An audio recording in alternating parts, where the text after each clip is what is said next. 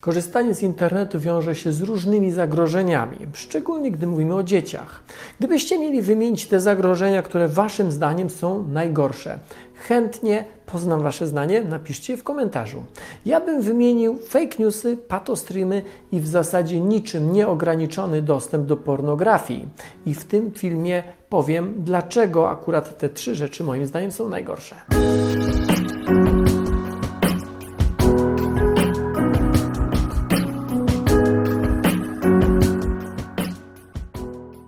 W największym skrócie szkodliwe treści to te, które wywołują u odbiorcy negatywne emocje i destrukcyjnie wpływają na rozwój zarówno emocjonalny, jak i poznawczy.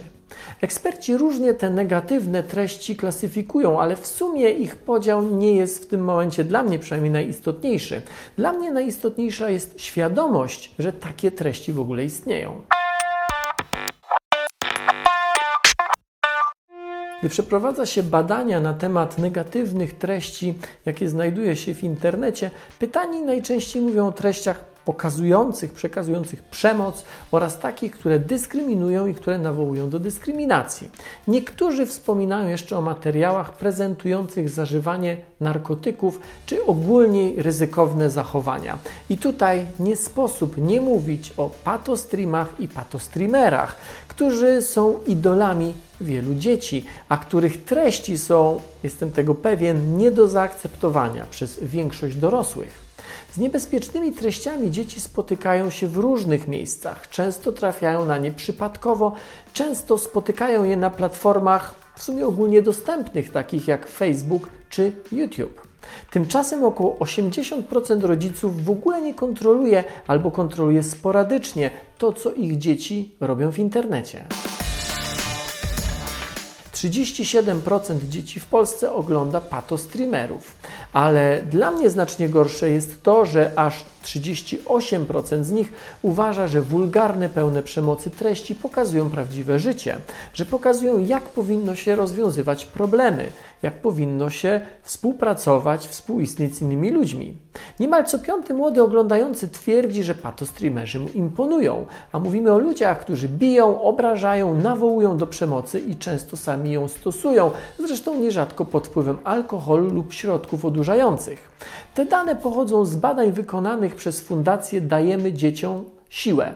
Z tych badań wynika, że większym problemem niż agresja wobec innych jest znieczulica i brak współczucia wobec innych. Przemoc dostępna w internecie może silnie wpływać na samopoczucie dziecka, wywołując lęk, odrazę czy złe samopoczucie. Sceny przemocy mogą zaburzać naukę prawidłowego funkcjonowania w grupie i prawidłowego rozwiązywania konfliktów. Informacje o świecie czerpiemy z różnych źródeł, w tym z mediów, szkoły czy od innych ludzi. Sprawne funkcjonowanie wymaga wiedzy, niekoniecznie specjalistycznej, ale jakiejkolwiek. I tak jak myślę, każdy intuicyjnie czuje, że szkoła, w której nauczyciele kłamią i manipulują, byłaby bardzo groźna, tak z internetem z jakiegoś powodu nie mamy takiego problemu. A tymczasem zaryzykowałbym stwierdzenie, że to fejki, albo mówiąc wprost, kłamstwa, które pojawiają się w przestrzeni publicznej dzięki internetowi, mają dużo większe zasięgi i dużo bardziej przekładają się na nasze zachowania, na podejmowane przez nas decyzje, niż to, co usłyszymy w szkole. Szczególnie duże znaczenie ma to w sytuacjach kryzysowych, takich jak chociażby ta, w której obecnie się znajdujemy. Gdy ze zwykłych fejków przejdziemy do deepfake'ów, zdjęć, ścieżek dźwiękowych czy materiałów wideo, w których można nieistniejącą sytuację, w nieistniejącą sytuację wmontować każdego, począwszy od nastolatka, a na ważnym polityku kończąc, moim zdaniem zaczyna to zagrażać podstawom systemu społecznego, w którym żyjemy. Systemu, który jakkolwiek to dzisiaj może dziwnie dla niektórych z nas zabrzmi, opiera się na zaufaniu. Fejki mogą wpływać na zachowania społeczne, mogą także narzucać podejmowanie konkretnych decyzji. To jest duży temat i warto o nim mówić, ale przede wszystkim warto młodych ludzi uczyć sposobów na weryfikowanie źródeł. Warto przekonywać, że docieranie do faktów ma wartość samą w sobie. Na pewno o tych narzędziach do weryfikacji zrobię kiedyś osobny film.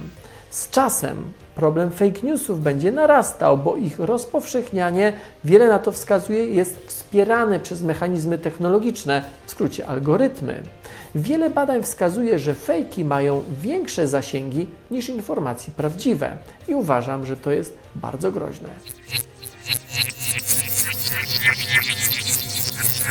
Na koniec zostawiłem pornografię i to chyba jest najtrudniejszy temat, bo przez wielu kojarzony z zabawą i rozrywką. Może dla dorosłych, ale wciąż z czymś w sumie nieszkodliwym. Gdy w jakichś materiałach wspominam o jednoznacznie negatywnym wpływie treści pornograficznych na rozwój młodego człowieka, dostaję komentarze z uśmieszkami, że znowu bez przesady, przecież oglądanie takich zdjęć czy takich filmów jest czymś normalnym i niegroźnym. Z badań wynika, że już całkiem spora grupa dziewięciolatków ma kontakt z materiałami pornograficznymi. Niemal co dziesiąte dziecko w wieku 11-12 lat ma z nimi regularny kontakt przynajmniej raz w tygodniu, a co piąty młody nastolatek, odbiorca takich materiałów, widział seks w połączeniu z przemocą. Urządzeniem, na którym dzieci mają najczęstszy kontakt z pornografią, jest telefon komórkowy. Kontakt, szczególnie gdy jest regularny z materiałami pornograficznymi, ma wpływ na rozwój psychoseksualny dzieci i młodzieży. Jest na to bardzo wiele dowodów naukowych. A przecież ta sfera życia, jej prawidłowy rozwój jest niezwykle istotny. Materiały pornograficzne bardzo często prezentują nieprawdziwe, a czasem wręcz szkodliwe zachowania i wzorce, które kształtują później spojrzenie dziecka czy nastolatka na seksualność. Przedmiotowe traktowanie drugiego człowieka, podejmowanie ryzykownych zachowań seksualnych, czy zbyt wczesna inicjacja seksualna, czy łączenie seksu z przemocą to tylko niektóre konsekwencje zbyt wczesnego dostępu do materiałów pornograficznych. Z analiz filmów porno wynika, że zdecydowana większość scen, bo ponad 88%, zawiera agresję fizyczną. Sprawcami przemocy zazwyczaj są mężczyźni, ofiarami kobiety. Taki właśnie wzorzec relacji seksualnych ma osoba regularnie oglądająca materiały porno.